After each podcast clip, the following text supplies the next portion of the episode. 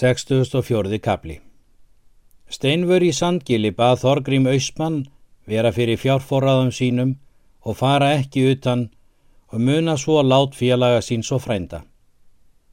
Hann svaraði Það spáði mér þórir félagi minn að ég myndi falla fyrir Gunnari ef ég væri hér á landi og mun hann það vitað hafa er hann vissi dauða sinn fyrir.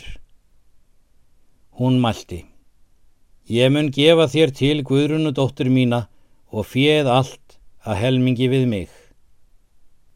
Egi vissi ég að þú mundir það svo miklu kaupa, segir hann. Síðan kaupa þau þessu að hann skal fá hennar og var þá búið þegar það sumar. Gunnar rýður til Berþórskóls og með honum kólskekkur. Njál var úti og sínur hans og gengu í móti Gunnari og fögnuðu þeim vel. Síðan gengu þeir á tal. Gunnar mælti. Hinga er ég komin að sækja að þér tröst og hilræði. Njál sagði að það var skilt. Gunnar mælti.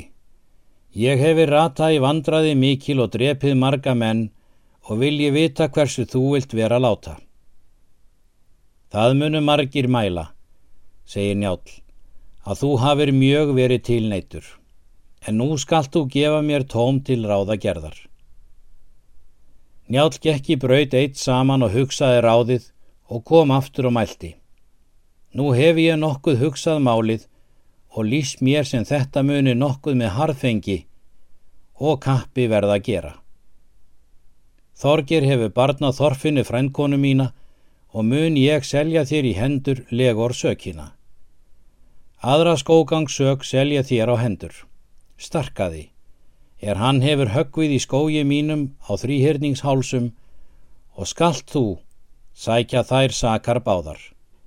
Þú skalt fara þangað sem þér börðust og grafa upp hinn að dauðu og nefna vottað benjum og óhelga þá alla hinn að dauðu fyrir það að þeir fóru með þann hug til fundar við þig að veita þér ákomur og bráðan bana og bræðrum þínum en ef þetta er prófa á þingi og því sé við lostið að þú hafir áður lostið þorgir og meir fyrir því hvorki sækja þína sög nýja annara, þá mun ég svara því máli og segja að ég helgaði þig á þingskal á þingi, svo að þú skildir bæði meg að sækja þitt mál og annara og mun þá verða svara máli því. Þú skalt og finna tyrfing í berjanesi og skal hann selja þér sök á hendur önundi í tröllaskógi, er mál á eftir eigil bróður sinn. Reið þá Gunnar heim fyrst.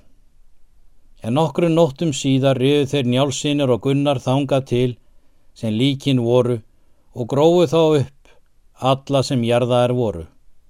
Stemdi Gunnar þeim þá öllum til óhelgi fyrir aðför og fjörráð og reið heim eftir það.